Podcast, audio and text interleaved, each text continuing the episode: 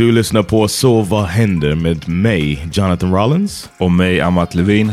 Podden som håller dig uppdaterad på allt som händer populärkulturellt, politiskt och samhälleligt. Grymt! Good one! Ja, nej men idag såklart vi ska prata om eh, situationen i Ukraina eh, och eh, liksom det här kriget som nu pågår. Eh, vi ägnar hela avsnittet åt det. Yeah, be a little bit about uh, a friend of mine who's dealing with the situation in a different way. Um, discussion on patriotism and how we would react or we think we might react in that situation. Just stay tuned. Som vanligt, kom ihåg att det går att få reklamfria avsnitt och bonusepisoder om man blir en prenumerant på Patreon. Man går alltså in på patreon.com svh så finns all info där. All right, uh, let's get to it. Drop that beat. I'm out.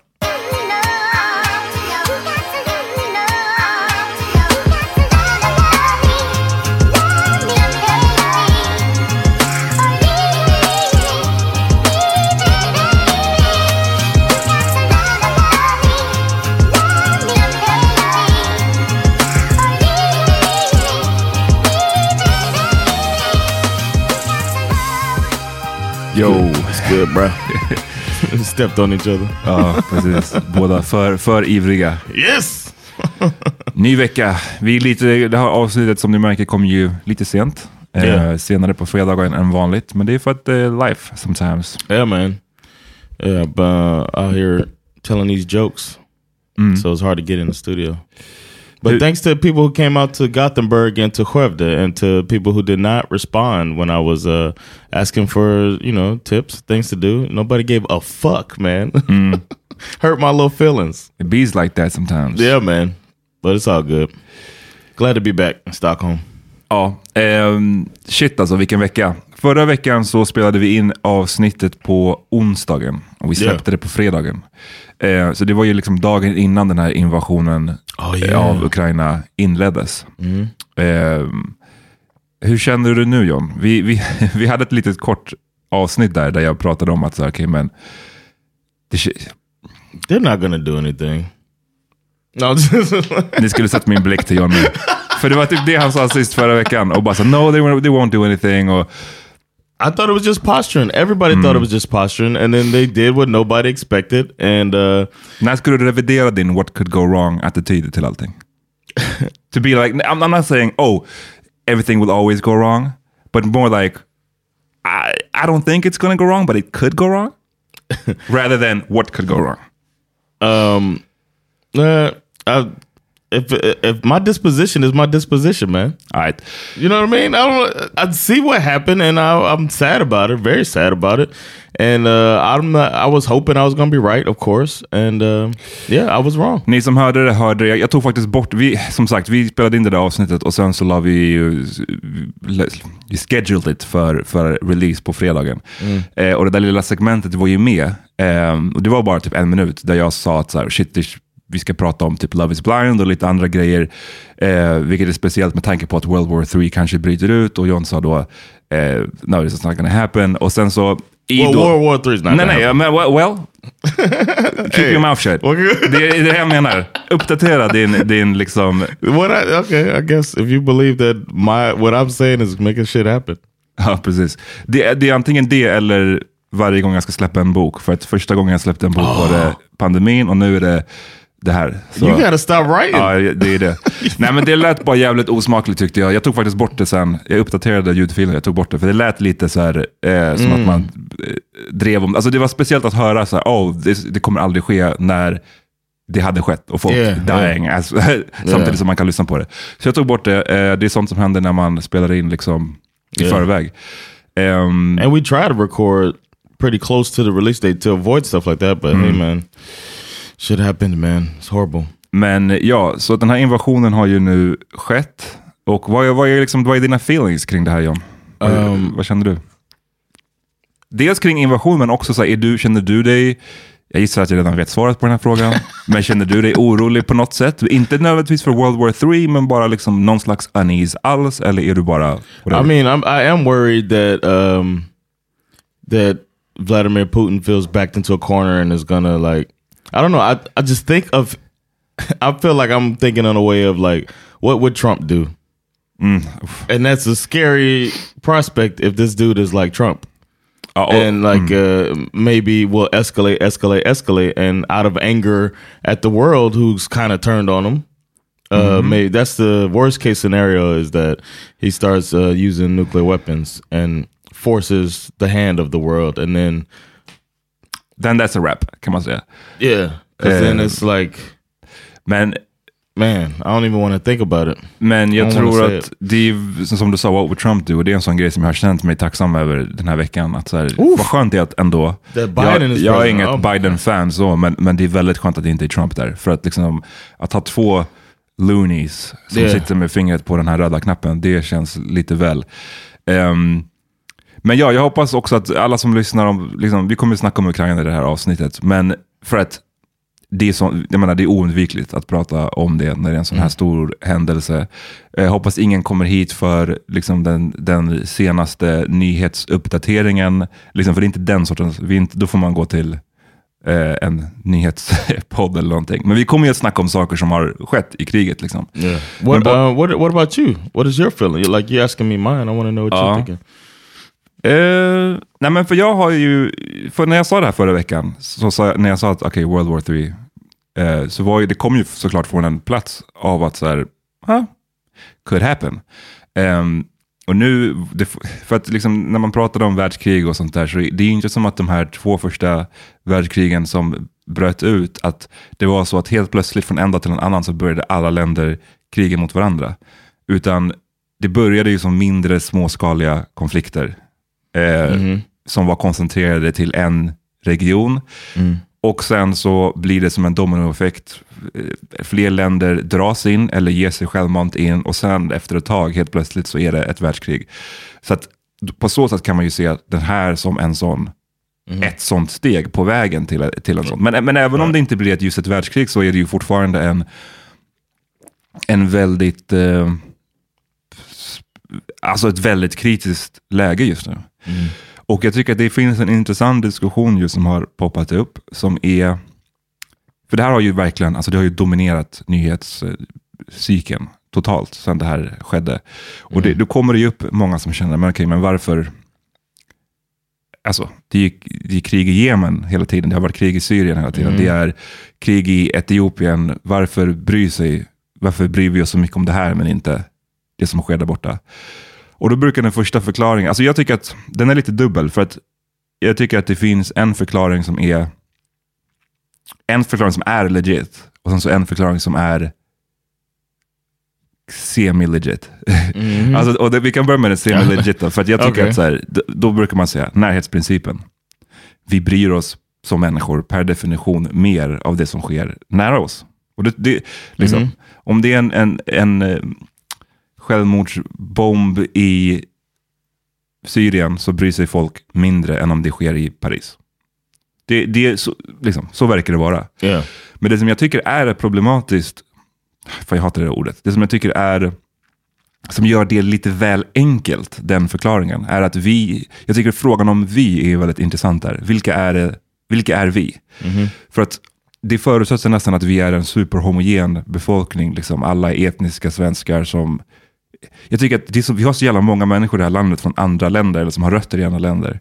Och vi har jättemycket etiopier till exempel i Sverige. För dem är ju konflikten i Tigray nu till exempel supernära.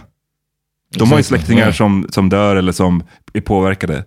Så att, att bara avfärda det, jag har sett vissa som till och med har försökt att så här, aha, ni försöker bara använda det som en hot take.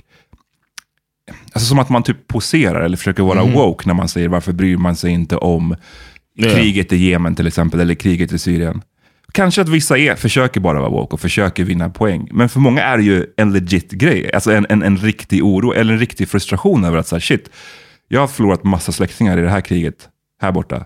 Och jag, har, vi har, jag, vet att de, jag vet några som till exempel anordnar demonstrationer för kriget i Tigray hela tiden. Och det får liksom ingen, inget medieutrymme alls. Så jag, jag förstår att den känslan är ju på riktigt för dem. Ja. Den tycker inte jag man bara kan avfärda med att ah, ni försöker bara vinna politiska poänger. And uh, highlighting that doesn't mean I don't give a fuck about the thing going on In Ukraine. in Ukraine. Mm. Both, both things can be true at the same time. Och den som då så den tycker jag inte är så här. Jag förstår den till viss del, men samtidigt tycker jag att man måste verkligen vara lite kritisk till den här grejen med vi. Vi aspekten där i den. Men den som är mer legit är att så här, eh, det här kriget har ju potentialen Ja. att bli mycket värre än vad många andra krig har varit.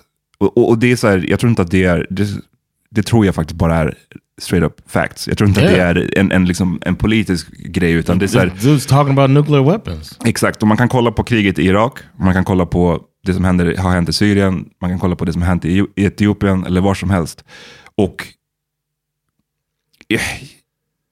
så jag, jag försöker inte minimera dem alls. Alltså, det är inte det jag säger, eller att så, Åh, det mänskliga lidandet där är inte lika farligt. Jag bara konstaterar att oavsett hur fucking hemskt och kriminellt USAs krig i Irak var till exempel, så hade det aldrig potentialen att bli nuclear Right. det, det, det skulle aldrig utmynna i att Irak sköt eh, kärnvapen mot något land eller tvärtom. Det hade liksom inte den potentialen. Medan nu är det den potentialen på riktigt. Yeah. Och som sagt att det kan spilla över och bli eh, på riktigt en mycket, mycket större konflikt. Så på så sätt så är det också förståeligt tycker jag varför det får mer utrymme. Yeah. Alltså long ass answer, men det... Well, um, let's take a break, Okej, regroup a little bit, and then dig a little bit more into this. yeah.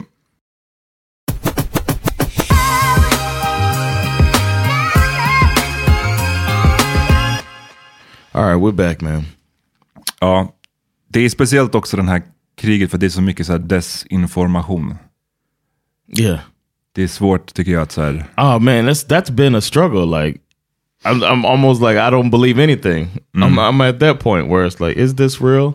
I'm like following anonymous, see what they're up to.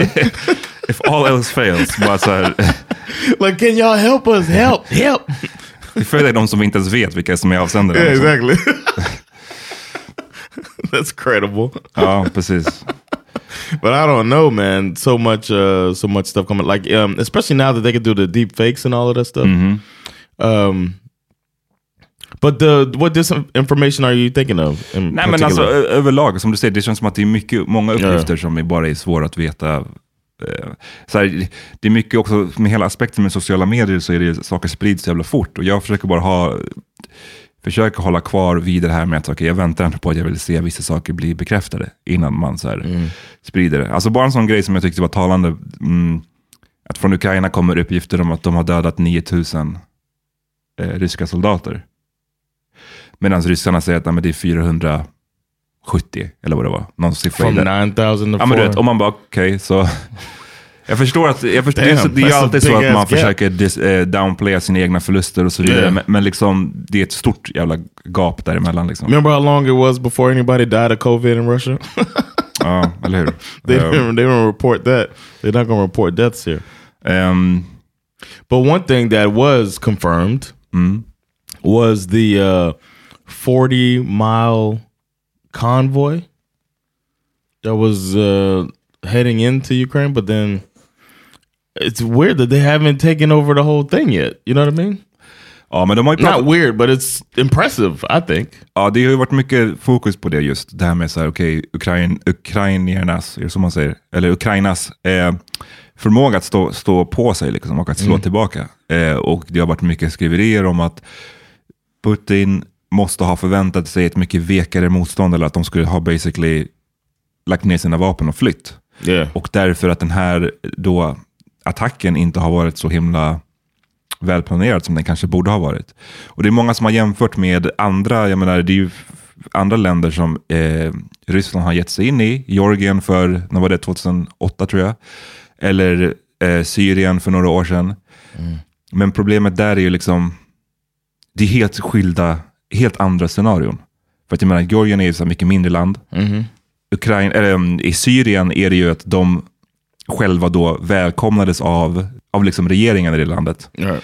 Som sa, vi behöver er hjälp mot rebellerna. Det är två, det är två helt skilda lägen. Ukraina är ju så här 40, över 40 miljoner människor. Ett jättestort land. Yeah. Det, det är liksom inte lika I lätt. did not know that Nej. until this. Did you know they were so uh, heavily populated? Jag, jag hade inte koll på deras, jag visste att det var ett stort jävla land, men jag visste, Ja. om du hade sagt att de var 20 miljoner eller 50 miljoner, I, I don't know. Men Ja. jag visste att det var ett stort land. Ehm, men det är bara, det är så talande också tycker jag så här med, nu är det ju, vi, vi pratar å ena sidan om att okay, det här är ett jättestort krig, det kan till, det har potentialen att gå nuclear. Men samtidigt är det så speciellt att det officiellt, jag tycker att språkbruket är så intressant med hur Putin har framat den här konflikten. Och han, han gör ju det som de flesta, sen andra världskriget så har det ju varit väldigt få officiella krigsförklaringar. Som det brukade vara back in the day. Alltså, We declare war Yeah. mot dig. Det är alltid en, Koreakriget så den amerikanska presidenten kallade ju det för en police action. And det är en police, it's not a war, it's a police action.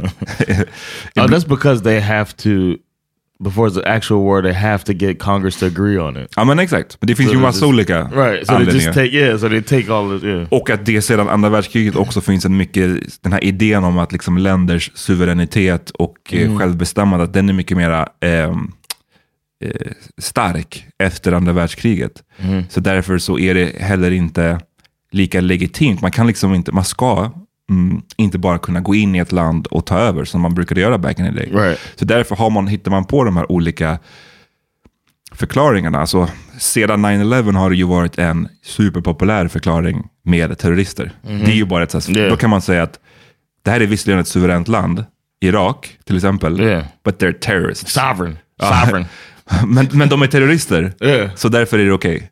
Och det känns som att de flesta länder, i alla fall i väst, och många andra länder har också då bara skrivit under på att det här är en okej förklaring. Så länge man kan säga att det är terrorister, eller så länge man kan utmåla ens fiende till kriminella, så ger det en, an, en anledning till att man får gå in. Mm. Och här försökte ju Putin på något liknande genom att säga att okej, de är inte terrorister, men de är nazister. Yeah. De är kriminella på så sätt. Därför vi ska gå in och demilitarize och denazify, som han sa. Det är bara, It's so good that he cared about the world like that. right? Like this, yeah, we're gonna make sure that you know Nazism doesn't spread. It's like, come on, man. Such a we. It was like such a House of Cards explanation. Uh, like, think it through a little better. Like, even uh, like, take a little, take a page out of America's playbook. I'm not saying I want them to succeed, but Vad var America's playbooks var uh, put Col- put a trusted figure in front of the screen and put some pictures up and shit. You know what I'm saying? Colin Powell up there had everybody convinced when they put all of the weapons of mass destruction, like this is behind this bunker is this and that. I mean, it's like he didn't even try to to paint it better, a better picture. He's just like, yeah, man, gonna go in there and help these people out. Ja. Du, du menar bara att det finns ingen, han gav inte andra länder en chans ens att köpa det här? Eller är det det du menar? Yeah, exactly. It was like it wasn't even a good uh, justification. And then uh, we got to shout out Volodymyr Zelensky for uh, like immediately responding um, to Putin's uh, message or whatever with his own message, like saying like we're not. It's not. It's not true. Basically, Or putting his own uh, speech out there and speaking in Russian so that people there try to get the information to them that it's not like just poking holes in his fake logic to to invade. En grej som jag måste bara slänga in, som jag har bara inte kunnat riktigt wrap my head around. Och jag bara undrar, för jag, sociala medier har varit, tycker jag, en vidrig plats under de här, den här veckan. För Yeah. att det är så, folk, alla är så jävla high strong och ehm, så den här grejen, jag säger, jag säger den inte för att, det känns så löjligt att man ska ens behöva förklara det här. Obviously så är jag emot eh, den här invasionen. Obviously. jag, tycker, jag, jag I kör- don't know. I Ja, gotta see vet- what you gotta say. jag köper inte Pudins förklaring whatsoever. Ja. Men det är intressant. Den här Azov-bataljonen som de har i Ukraina. Som är ett förband av soldater som verkar vara liksom högerextrema och basically nynazister. Didn't- Som, okay. som uppkom efter Rysslands första invasion av Ukraina 2014. Och då eh, var de som sin egen liksom, paramilitära grupp och de slogs mot ryssarna. Men sen har de sedan dess upptagits som, om jag förstår det rätt, som en del av den riktiga ukrainska armén. Och Okej. liksom, det finns ju så mycket bilder och grejer på när de, de, de ser ju basically ut som nazister, deras symboler de har på sig. Sådär. Det är bara undrar jag hur det där, how does that work? Mm. igen då, jag säger inte det för att jag, tycker, alltså jag menar att Putin då har rätt i sin denazify-grej. För att äh, när han säger så, då låter det ju som att hela landet är styrs Right. av nazister. Det är, inte, det är inte det jag säger. Jag bara, jag är bara intresserad av, jag fattar inte riktigt hur det där hänger ihop, hur man kan ha ett sånt förband liksom, i sin officiella militär. Om någon vet mer så holla at us. Yeah, and especially um, like that's something that uh, should be denounced by leadership. Like come out and say, "Hey, this ain't our this ain't our thing. These guys aren't like don't absorb them into your military." Eller så blir det som att, så, okej, we would, men nu när vi attackerade av ett Yeah. annat land så, om det är högerextrema yeah. som vill slåss för oss, by all Let's- means. let's it, May- yeah. Mm. Maybe, jag, vet inte om det är det som man, om det är så man förklarar det. Liksom. yeah, Men det är ju... yeah, that's what that's how it was in the with the Civil War mm, ja, when they're like, "Hey, come on, slaves, ride with us." You know what I'm saying? When they're the Ja, north, men- the north Du menar det amerikanska? Ja. yeah, Det är um, självklart en massiv tragedi liksom och det har varit mycket fokus på som sagt att det här gick inte så bra för ryssarna i början som, som ehm, man trodde. Svaret från västvärlden har ju varit otroligt, eller har ju varit starkt i form av ekonomiska sanktioner, vapenleveranser och så vidare. Och det finns en del skriverier också om att då Putin eventuellt inte var beredd på att det här svaret skulle vara så severe. he thought the EU was to EU. Mm. and they did not. they uh, collaborated and formed like Voltron. Men det läskiga med det, eh, och jag, jag, säger inte att det, här- det här är inte ett så här, och de borde ha gjort si eller så, det är absolut inte det jag säger. Jag bara menar mer som en kons... Mer bara konstatera att så här, What you konstaterar?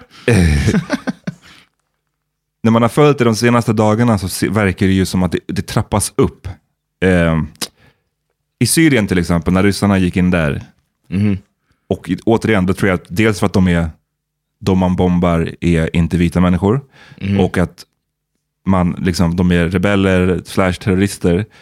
Ryssarnas taktik där var ju väldigt grov. Alltså där bombade man ju hela bostadskvarter.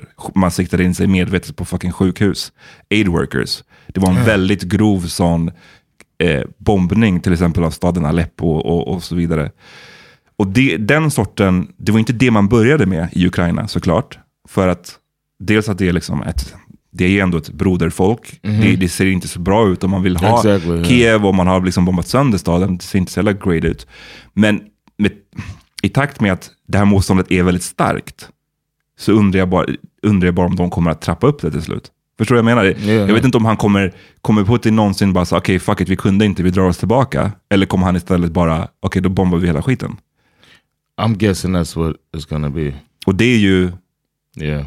är ju fasansfullt att liksom tänka, tänka så. Eller tänka på den utkomsten liksom. Yeah, But I think the showing the unit, showing the unity between all of the countries in the EU against this action, I think it was a, a must. They had to do that. You know what I mean? Oh yeah. So, um, I mean, it's a tough one, but you, without taking some type of, I mean, the other alternative is what NATO forces go attack Russia. You know what I mean? Det, är ju jätte, det tycker jag också varit ganska fascinerande att se. Alltså det är många i Sverige, och i USA har jag sett också, som är ganska så här warmongering i sin, till exempel den här, så här militärkonvojen som du nämnde, som verkar, igen jag bara slänga in, allt som vi säger här, det kan ju hinna förändras, typ, när ni hör det här. Yeah, yeah, yeah. För det sista jag hörde om den här militärkonvojen var att den stod fast, eller hade, liksom, stod stilla. Eh, och, och det varit en massa som är så men varför, varför kan inte bara NATO bomba sönder den där?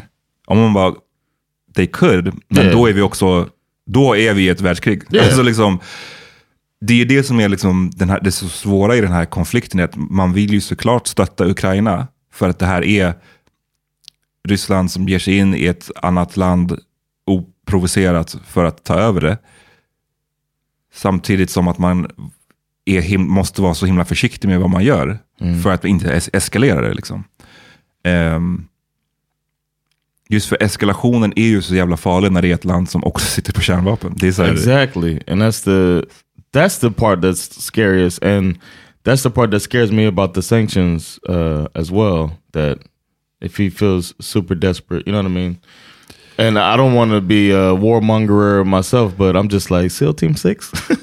you know what I'm saying? Go get that guy. Like that's what the, that's what it took to. It seems like it's a kind That's of a single action. That's what it took to what? Men jag vet inte. That's what it, I'm saying. That's what bombing the shit out of Iraq and uh, Afghanistan didn't help anything uh, for America. But then, and especially if you're justifying it by saying we're going to go get this person who attacked us. Men hur Uh, lätt är det liksom? Det känns som att det inte är så jävla lätt. I mean, Getting po- Eh, jag vet att du har I- stor I'm- tilltro på, men I'm just saying. I'm I'm saying that they went when uh, or like Och det är inte riskfritt heller. Tänk om de skulle, tänk, jag vet att så igen, din tilltro på SEAL Team 6. Yeah, yeah. Men om de skulle misslyckas, that's kind of a That's high a- risk. oof. Vi, Yes. skulle, vi, var, vi var där för att... like eh, we tried. Ah, oh, and then the propaganda from that too Ah, of nej. a failed. Uh, attempt. But I'm just saying, like uh, going after that guy instead of going after because I just do not. I've seen. I remember when I first saw the images from uh, the Hiroshima thing, and it's just Mm-hmm. like I don't ever want to see anything like that again. Och då ska man ju veta att de är ways mer powerful nu. Yeah, exactly, exactly. And it's like, oh, the napalm stuff. You know, any of that stuff, man. I don't. Nej, men den där grejen är, och jag, jag vill inte liksom, jag vill inte skrämma, att man, någon ska sitta här och bli så här fett uppskrämd. Eller att, igen, jag, tycker, jag tycker att den här, så här, what could go wrong, jag tycker det är, är lite väl optimistiskt. Samtidigt vill jag inte heller ha en så här katastrofscenario eh, Yeah. som vi målar upp. Eh, jag är mer bara så här, man, man får försöka ta in alla potentiella scenarier och sen Yeah. så, And believe it or not, I do think Mm. about this stuff, but I just, I don't know, I tend to lean optimistic. ja. Jag, eh, samtidigt som att jag förstår att okay, den här kärnvapengrejen, det, det är ju liksom, man har haft genom historien en hel del close calls. Mhm. Mm, men jag tror att vi, de i vår generation, vi har ju liksom haft...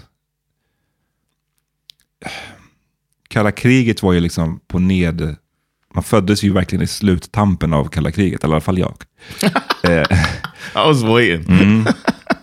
och liksom man är uppvuxen i en tid där Sverige så här, du vet, drog ner på sin militär och det kändes som att den här gamla grejen, så här, ryssen kommer, att det där var så här, en, en grej lite passé liksom. Att så här, det där kanske vi inte kommer att behöva oroa oss för going forward. Så kändes det typ på 90-talet, tänk- om jag tänker tillbaka och minns rätt. Medan nu så är det ju som att så här, kalla kriget-moden är ju basically tillbaka nu. Ehm, Yeah. men kärnvapengrejen, den är, så, här, ja, den är reell, den skulle, det skulle kunna bli. Samtidigt så finns det det som har hållit ifrån att hända tidigare, är ju den här grejen med mutually uh, assured destruction, som det heter. Är att så här, Om ni skjuter mot oss, ja, då skjuter vi mot er och då är, dör vi alla. Och det är det som kanske också hindrar en, en, en, van, en normalt tänkande människa. Exactly. Det är det som är thing. läskiga med någon som då har tappat eller någon som skiter i. Eller någon som tänker, "Ja, ja, jag kommer ändå tappa makten så då kan alla lika gärna dö. Who, who knows om någon skulle kunna tänka så. Exactly. And surrounded by yes men, which is probably the case. Ja, och både i USA och i Ryssland så är det ju inte lika mycket, inte lika många kontrollinstanser för kärnvapen som man skulle vilja. Och det, är ju, liksom, det finns ju en logisk förklaring till det i att så här, mm, låt säga att någon skjuter upp, låt, låt bara säga att Ryssland skjuter eh, kärnvapenmissiler mot USA. De där missilerna de kan komma fram fett med snabbt. Alltså det handlar ju om en fucking några minuter till en halvtimme beroende på vad det är för typ. Det är inte som att då USA då skulle kunna ha ett system där de springer till Congress och samlar alla politiker Right. och får röstar. Utan då måste det ju gå snabbt för att kunna skjuta tillbaka. Och jag, jag, jag säger inte att, det är, att jag tycker att det är bra. Jag bara säger att det där är ju en effekt av Yeah. de här fucking vapnen som vi har kommit på en, en gång i tiden. Varför finns de här vapnen? Det är ju sjukt liksom. Eh, men det, det är det som också jag tycker är läskigt, är det att det finns så få kontrollinstanser för när någon vill använda det där egentligen. Då får man ju hoppas på att så här, det finns a någon responsible person that on has the inside Yeah. som bara liksom take Listen, it upon man, themselves. Relax, Vladimir. Men jag känner, jag känner det, där- det är ett, fine, det är ett, det är ett potentiellt scenario, men jag är inte, jag är, inte, jag är faktiskt inte orolig för det. Dels för att ett, den här mutually assured destruction, Right. skjuter någon då dör vi alla. Och två, att så här, ja, you know what, då dör vi alla. Alltså, yeah. det finns inte så mycket, det är ingenting, jag, jag kan inte hålla på och sitta och oroa mig över det, för att så här, jag kan inte kontrollera det. Och Exactly. Går See, det- welcome. Come on, step on over here, man. Nej, men liksom, är, är, går det åt helvete så mycket, alltså då, är, den, den är, då är det a wrap för världen. Alltså för oss i Yeah. alla fall. Det är så här. Precis, då är det the road, då är det Fallout, ni som har spelat det tv-spelet, det är så här, that's a rap. Så jag, jag, jag orkar inte tänka, jag kan inte tänka så långt liksom. Um, But don't you wish you were those people on that island that uh, killed that missionary with the arrow? inte snackar du om? Ja, på, på The Road? I said, no, no, no. I'm talking about in uh, in India, the island off of India. Oh. That they have no clue right now what's happening. They're just chilling, eating probably a papaya or some shit right now, and uh, not being bothered. No internet, no Twitter. I kind of envy them a little bit. No. Yeah, Ja, men hur skulle du göra stand-up där? Det är det som är oh, problemet. that's a good point. Du kanske skulle göra stand-up där för yeah. I'll be doing stand up, be naked, just sitting there with a Naked. Let me stop Sound painting like Joe. Rogan over here.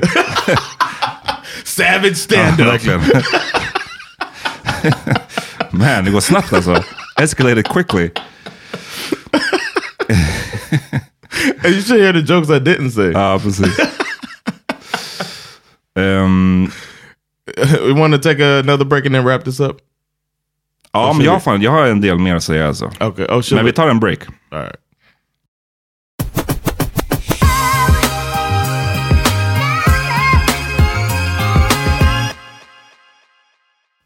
Uh, shout out to my friend um, Elena Gabas. You've seen her perform before, right?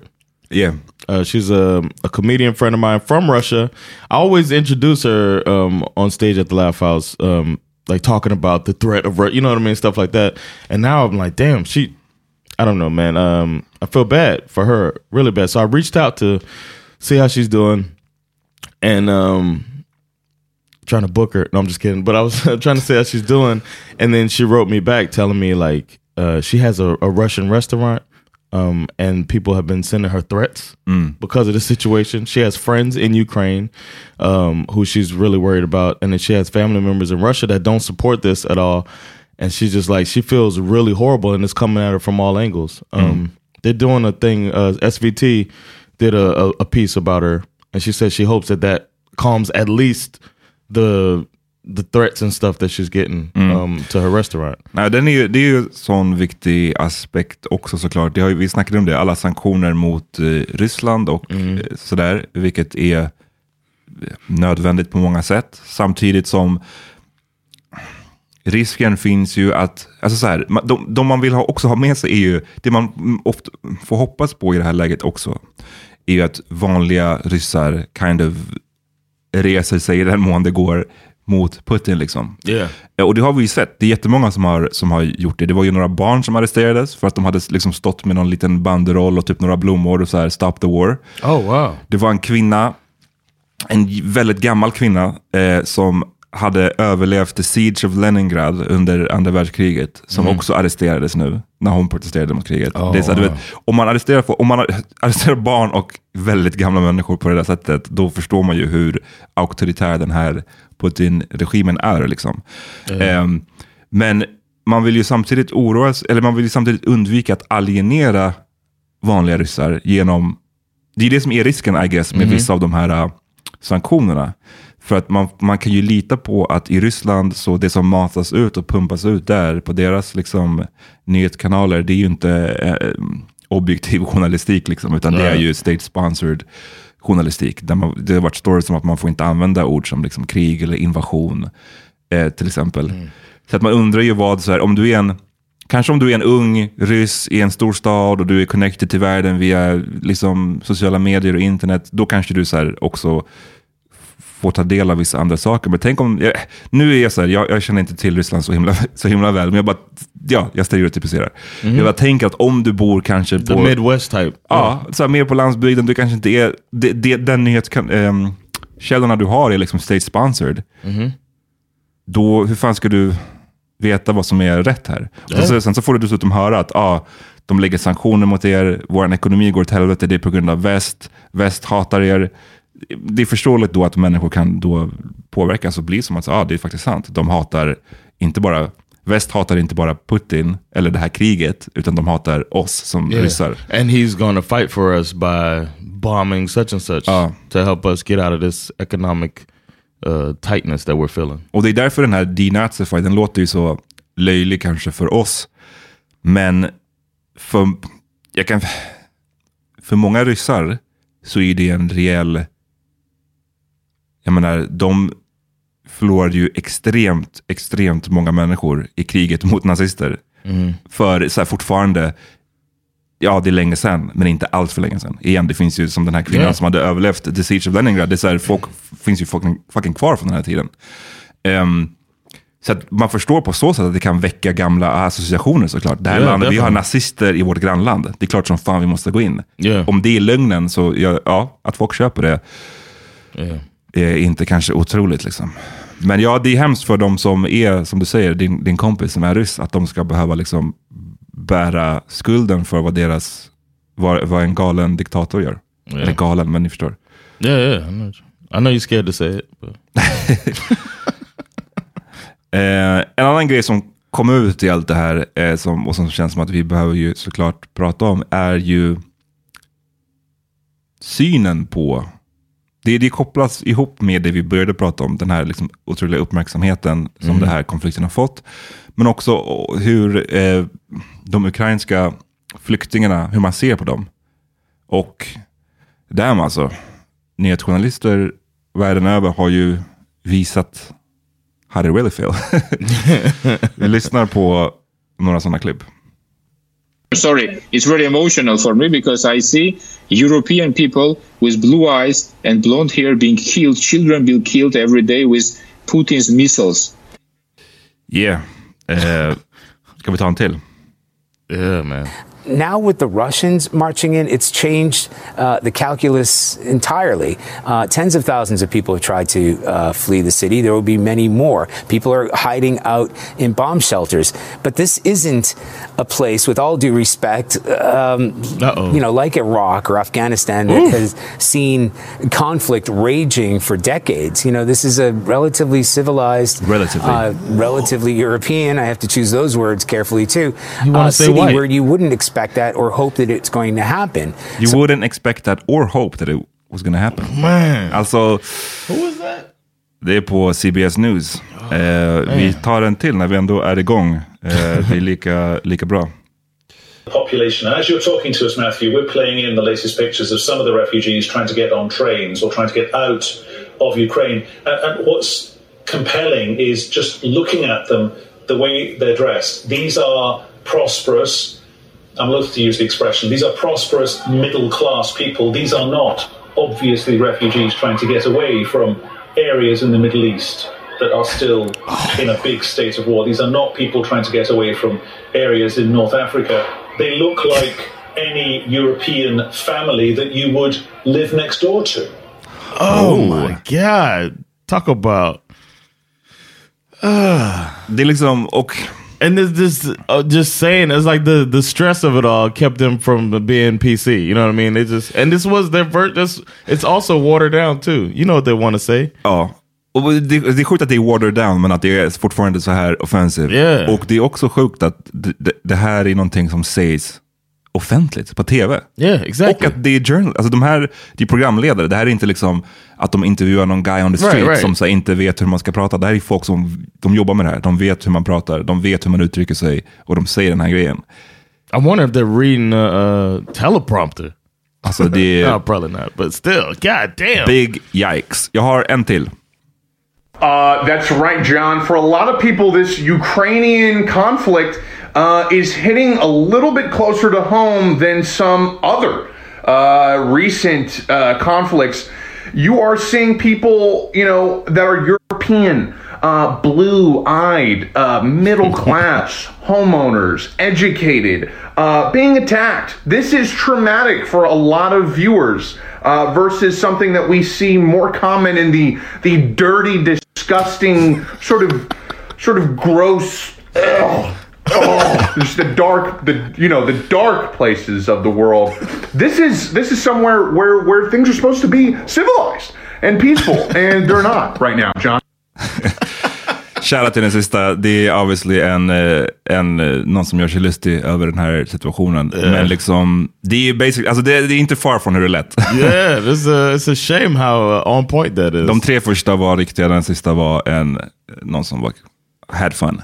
Ehm, men ja, det är ganska obehagligt tycker jag att se så här, folk, det går så snabbt för folk att bara ta av sig den här, så här oh, vi, we don't see color, we, vi är antirasistiska, till att bara så här, ta av sig den masken och bara, you know what, fuck it. Yeah, now that we're seeing these people hurt. I mean, and it's and it happens on so many different ways too. If you think about uh, the crack epidemic versus the uh, the what's it called the pain medicine or whatever, mm -hmm. or the opioid addiction crisis that they're calling now. You know, uh, the way that those are handled when one's happening.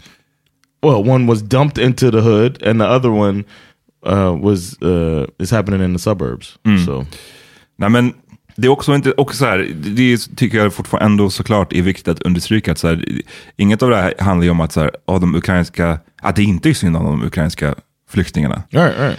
Eh, det är bara intressant att se hur Coverage matters man. Ma, men man vill också, så, här, så som man behandlar de ukrainska flyktingarna, det är så man måste behandla alla, alla flyktingar. Det är det som är poängen. Inte att yeah. de ukrainska flyktingarna ska behandlas sämre. Alltså, det som det pratas och det som det spins mycket nu tycker jag från högerhåll, SD-håll och så vidare, det här ser man supermycket på sociala medier här i Sverige, är att det här är riktiga flyktingar, menar man. För de flyr från ett riktigt krig. Jag använder air quotes när jag säger riktiga, mm. för ni som inte ser mig. Men medan de som kom 2015 från flykting, i flyktingkrisen då, mm. att de inte var riktiga flyktingar. Det är så man sitter och säger. With, your, with their chest, säger de där. Yeah. Uh, för att de... Och det, man, du vet, som att de som kom 2015, som att de inte flydde exempelvis kriget i Syrien eller från fucking IS eller liknande. Mm. Man försöker spinna det som att nej, de här människorna kom, de var bara migranter som kom eh, för att få ett bättre liv. Så därför, det är därför de inte behandlas lika väl, eller lika, att man inte tar det på, på lika stort allvar. Um, det här får ju också konsekvenser för hur, hur man, så det är ett stort så här, välkomnande. Det, det var ju visserligen 2015, där kommer jag ihåg att det var ett stort, i början så var det ju, mm, så öppnade man ju ändå upp ar armarna för flyktingar. Jag kommer ihåg att det var mm. jättemycket folk som stod på centralstationen här i Stockholm och var som att så här, välkomnade flyktingar. Och sen så var det som att från politiskt håll så drevs mm. det ju på att nej, det finns inte plats, det finns inte, vi kan inte ta emot dem. Och sen till slut så vändes det till att bli väldigt, ett väldigt kyligt mottagande. Um, men jag tycker bara det är så intressant att se till exempel nu så sa man ju att ett ukrainskt pass till exempel kan användas som eh, basically ett SL-kort inom trafiken. Oh, wow. Och det är det intressant att jämföra med liksom, projekt som REVA som vi har haft här, där det var som att nej, vi ska hitta vi ska hitta flyktingar och kasta ut dem. Liksom. Mm. Det är bara det är bara intressant att se hur, vilken otrolig skillnad det är. Och igen, jag säger yeah. inte att det, det är klart som fan de ska få åka tunnelbanan. Yeah. Men det hade varit nice om... Why don't we treat everybody like we're treating the Ukrainians? Ja, det, det är svårt att intressera sig som att det är... Vitheten är, yeah. det är en VIP-treatment, liksom, eh, aspekt i det. Um, it's fucked up man. Det, it's men fucked det, up.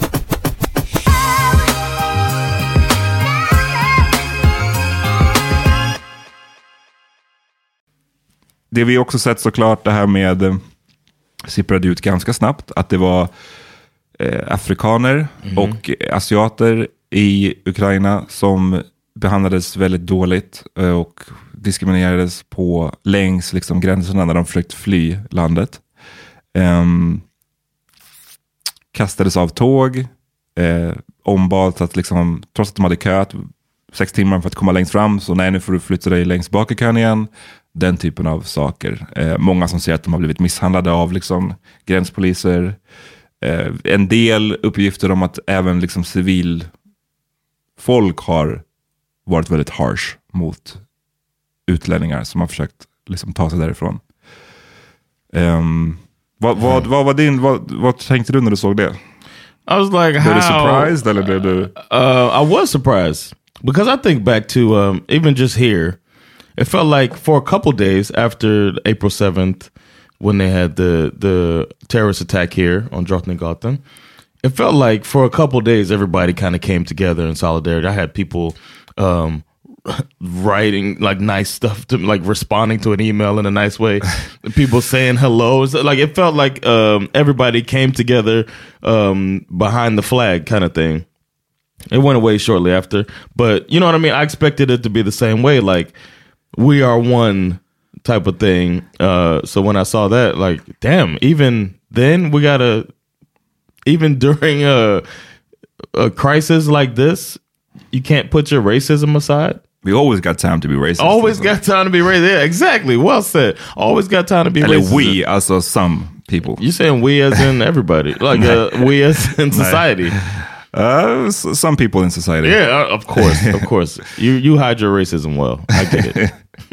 no, but of course I don't mean everybody's racist. Um, inte alla män, but you know. Jag menar, jag menar det mer som att, jag vet inte, jag skulle inte se det här... Det, det här skulle liksom inte ske på samma sätt i ett... Ta ett land som Gambia till I exempel. was just gonna say Gambia, man. Och det sjuka Open arm. It would be open Ja, arms. det sjuka där, och det är ju det är, igen, det jag eftersöker är bara en jämställd behandling, en jämlik behandling. I Gambia skulle det ju snarare vara, vet du vad, oh white people vill gå härifrån, VIP treatment till jag. Alltså Yep. de hade ju fått en gräddfil för Yep. att de är white. Ehm, Yep. och inte bara white, alltså även vi, jag, någon som jag som är liksom, har gambiska rötter men är, är europé, hade också fått en gräddfil det är, bara, vet det är bara så fucked up att den här fucking rasismen och kolorismen, den, den är så jävla real hela tiden. Yeah. Det tar, även, And one way. ja, precis. Men här, jag tycker att det varit intressant att se. Jag blev, för det första måste jag säga, I'm sorry, jag blev inte förvånad alls när det här kom. Um, You weren't surprised at all. hell no. Okay. Hell no. För att, I think even in America it wouldn't be like that, but it's it's a whole different animal over there. Det beror på, tror du inte att det hade kunnat vara så mot, det hade kanske inte varit så mot specifikt blacks, men No. kanske mot... Eh, maybe that's I'm like, are we good? men, men kanske mot vissa hispanics eller några som då är mer kodade. För att, jag menar, det finns ju, obviously, du har ju pratat om tusen gånger, all rasism mot svarta i USA. Men de anses ses ju fortfarande på som amerikaner versus, yeah, yeah. det är inte illegal aliens. Right. Och jag undrar om hur det skulle vara för I kanske... gotta say, I, I, it's it's hard to tell because, like, as you know, like it's America just looks. You, you can't tell somebody's American or not. That'll be a tough one. They can't. They can't sit at the gate and be like, "You ain't one of us." No. it's hard. It's harder to do than in Ukraine when you Ja, see mer- African student. Exakt. Yeah, yeah. Men det är mycket, när det här kom så var det ju många som började direkt snacka om att nej, men det här är bara desinformation. Det här är liksom rysk desinformation designad för att eh, oh, really? spri- liksom, sabba, sabotera stödet, stödet för Ukraina. Nu när kriget bröt ut så var det ju 100% stöd för Ukraina och då menar man att nej, men kan vi visa på att ukrainierna jag är säker på att jag säger det ordet fel. Men om vi kan visa att de är quote unquote, rasister, då kommer stödet minska. Som att det här är bara en, en, en, en genius evil plan av Putin. Liksom.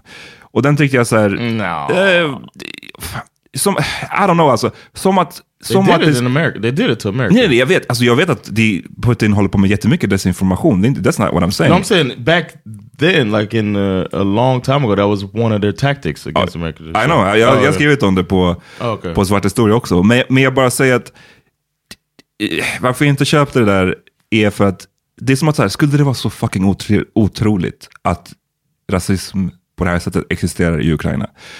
Då undrar jag liksom, om man är svart till exempel, om man har varit i ett östeuropeiskt land, så inser man att rasism existerar där, precis som överallt. Rasism existerar ju överallt. Men i många delar av Östeuropa, it's kind of in your face. Yeah, I um I was actually in Huev, no in uh, Gothenburg, and uh, I was sitting in the green room with a comedian. He said he went to school for a year in Belarus, and we were talking about this whole conflict and stuff. And he said his his roommate was uh, from uh, Pakistan, and he said he has never seen racism like that. No, I'm sorry, Budapest. He was in Budapest. Okay, uh. he said he's never seen racism like that overtly. He's like, I, I know racism is, exists in Sweden or whatever. He's like, I know there's, but he's like, I've never seen somebody be so open with their racism as uh, they were to my roommate, where people would just yell slurs at him on the street, throw stuff at him, like just tell him to go back to his country, shit like that.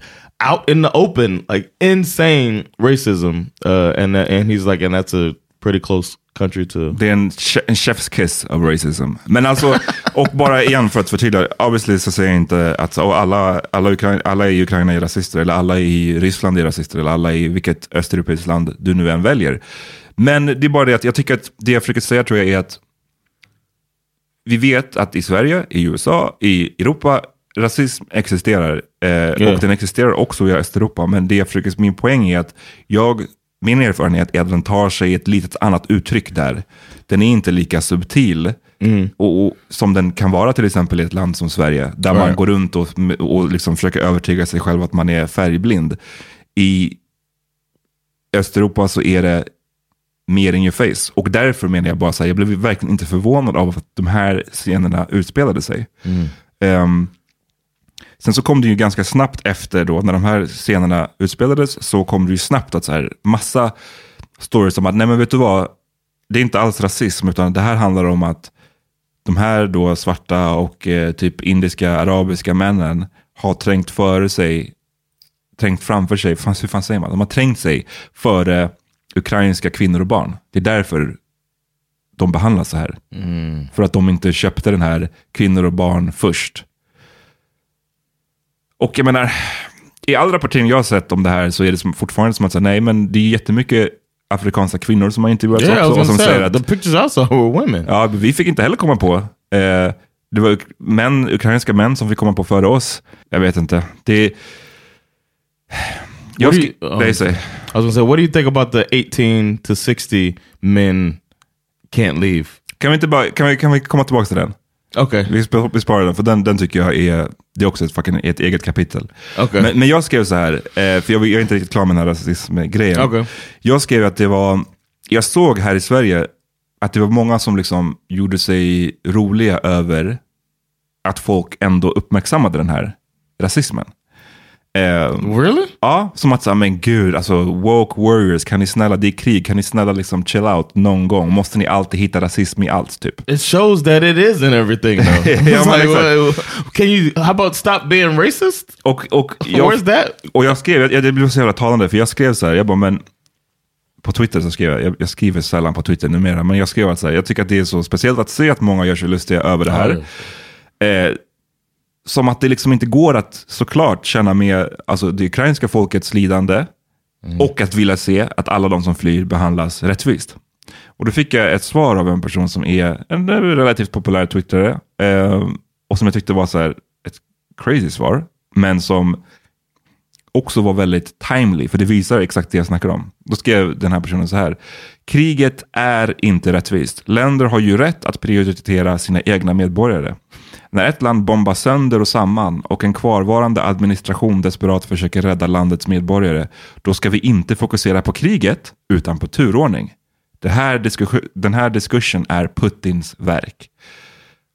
Och då tyckte jag bara så här, what the fuck are you even talking about? För att ingenstans har jag sagt att man inte ska fokusera på kriget. Right. Alltså, landet bombas sönder, det är prio nummer ett att fokusera på Exactly. det. Men är det inte prio nummer ett? Har det inte varit så att sen det här utbröt så har alla nyhetssändningar handlat om kriget i Ukraina. Det har handlat om truppförflyttningar, om, om Ukrain, uh, ukrainska medborgare som försöker fly. Det har handlat om soldater som dör. Har, fokuset är här. 99% av alla artiklar Ja. handlar om det här. Gå in på DN och kolla. Alla artiklar är om kriget. Och att det sen dyker upp. Min, min poäng var bara så här, jag tycker att det också finns utrymme att belysa att vissa som försöker fly diskrimineras. Att alltså de försöker fly från ett krig, men de också utsätts för rasism. Jag tycker det är värt att belysa. Och att, det liksom, att folk då blir så upprörda över att det dyker upp bland de här hundratals artiklarna om kriget, så dyker det upp en handfull om att vissa människor blev rasistiskt behandlade. Då blir de så provocerade av det. Jag tycker det säger basically allt om de människorna. I think because I think there's like a there's a sickness in America as well uh, of people wanting to uh, believe that it's over, like racism is over. Let's focus on something else, and then every instance like this shows that it's not over, and it really bothers them. Yeah, because they want it to be over, but it's not fucking over. Like. I think the part that should bother you uh, is that it's not over, and then you try to see what you can do to help end it instead of help end the conversation. Exakt. Eh, och jag vill bara två grejer som jag vill läsa upp, sen kanske vi kan gå vidare. Just det, innan jag, innan jag läser de här andra grejerna så fick jag ju ett svar till av den här personen som, som skrev till mig och som sa att så här, du fattar att du för den diskussionen som Putin sår in med sin propaganda just nu. As in att, att jag ens belyser det här, då, då har jag gått på Putins propaganda.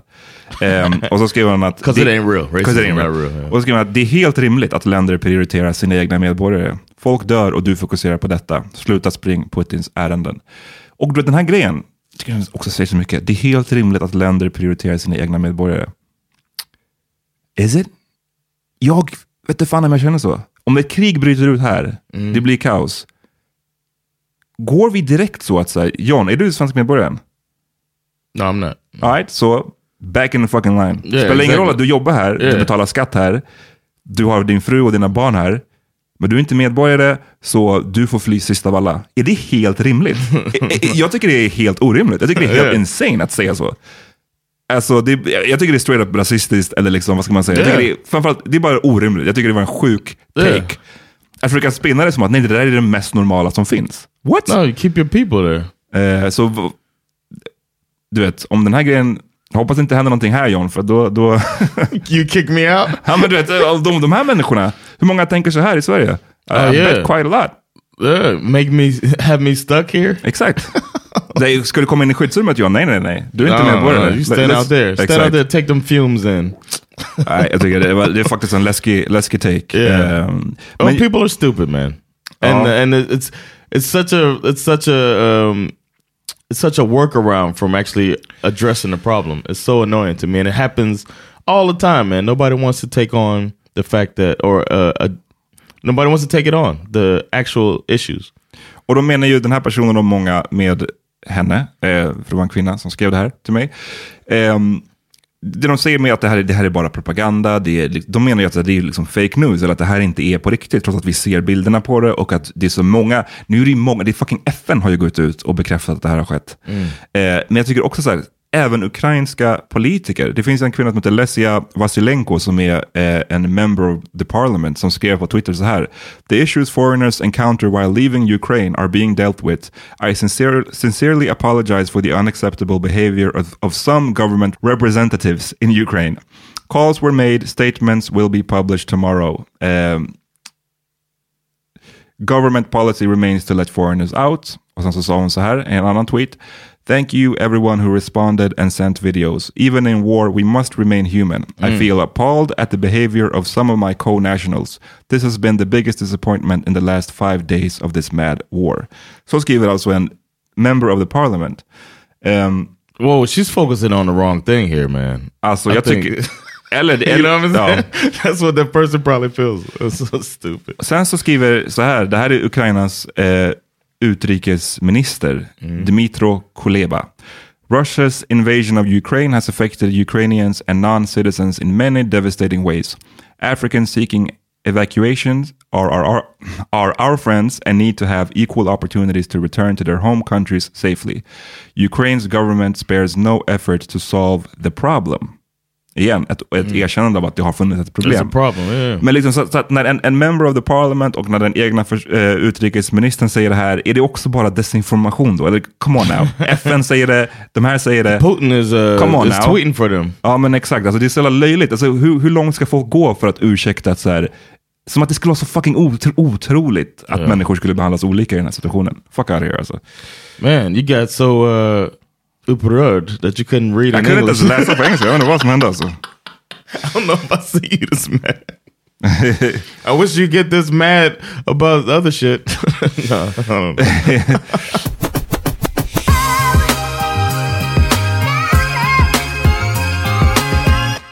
Men ja, du frågade om den här, vad var det? Var det 18 till, eller 60? 18 to 60 are uh, m- men 18 to 60 are being asked or are not allowed to leave. So it's like they're getting treated like africans.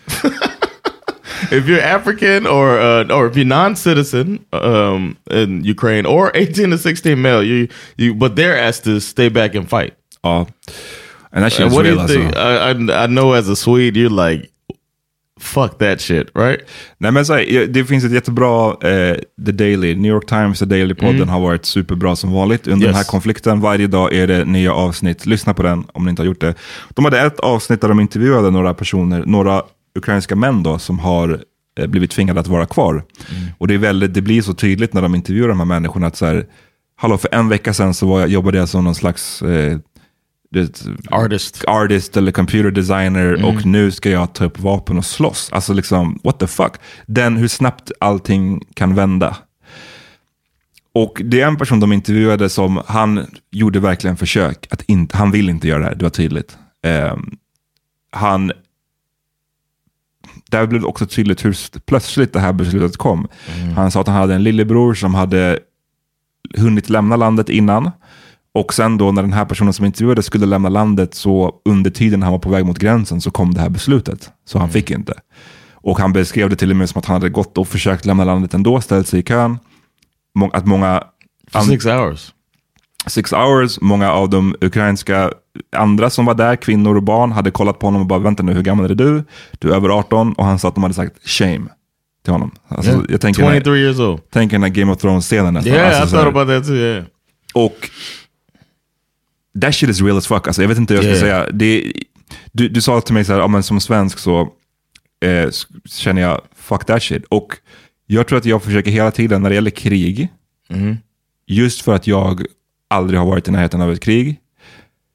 Jag har bara, mm, I reserve, vad ska man säga, inte reserve judgment, jag bara vänd, jag har väldigt mycket respekt för att mina känslor kring den här, en sån här fråga kan förändras som fan. I, I have no Yeah, idea what I'm yeah. talking about. Yeah. Så jag vill inte säga att så här, vet du vad, om någonting skulle hända så flyr jag direkt. Jag vill inte heller säga om någonting skulle hända så sp- springer jag ner till fronten. yeah, yeah. Jag vet inte hur jag kommer känna, jag vet inte hur jag kommer reagera. I Jag, apologize for assuming. nej, nej, men det, jag, jag tycker inte att det är en konstig assume, alltså att du har, att du har assumed det. För att till viss del så känner jag ju såklart så här, det är ganska lockande att säga, vet du vad, ska vi bara flytta till Gambia eller Ghana liksom? Om man, om man märker att shit hit the fan, vi, har, vi, vi har ändå andra, ett Mm. And annat they'll land. welcome you with open arms. Samtidigt så är det ju det som jag tycker är fascinerande när man hör många av de här ukrainska männen då som pratar om att så här, den här, man kanske inte har gått runt och tänkt oj, den här känslan av att försvara mitt land och försvara den är så himla att man går runt som en sån nationalist hela tiden. Men när, man, när någon kommer och ska försöka ta ifrån ditt, It could wake it up. och då, då, då kan det ju bubbla upp. Och kanske skulle det bubbla upp hos mig, jag vet inte. För att man så här, It's my fucking country. Ja, men my fucking country, men också this is my fucking life. Vi lever Oh, yeah. här. Jag, jag, liksom jag har mina barn här, min tjej här, vi går på förskolan, vi jobbar. Liksom så här, och nu ska ni försöka ta ifrån det. Då kanske, Yeah. man, då kanske något sånt där väcks. Jag vet Oof. inte. I got goosebumps, man. I just, I just imagine you with a Kevlar vest on, like get away!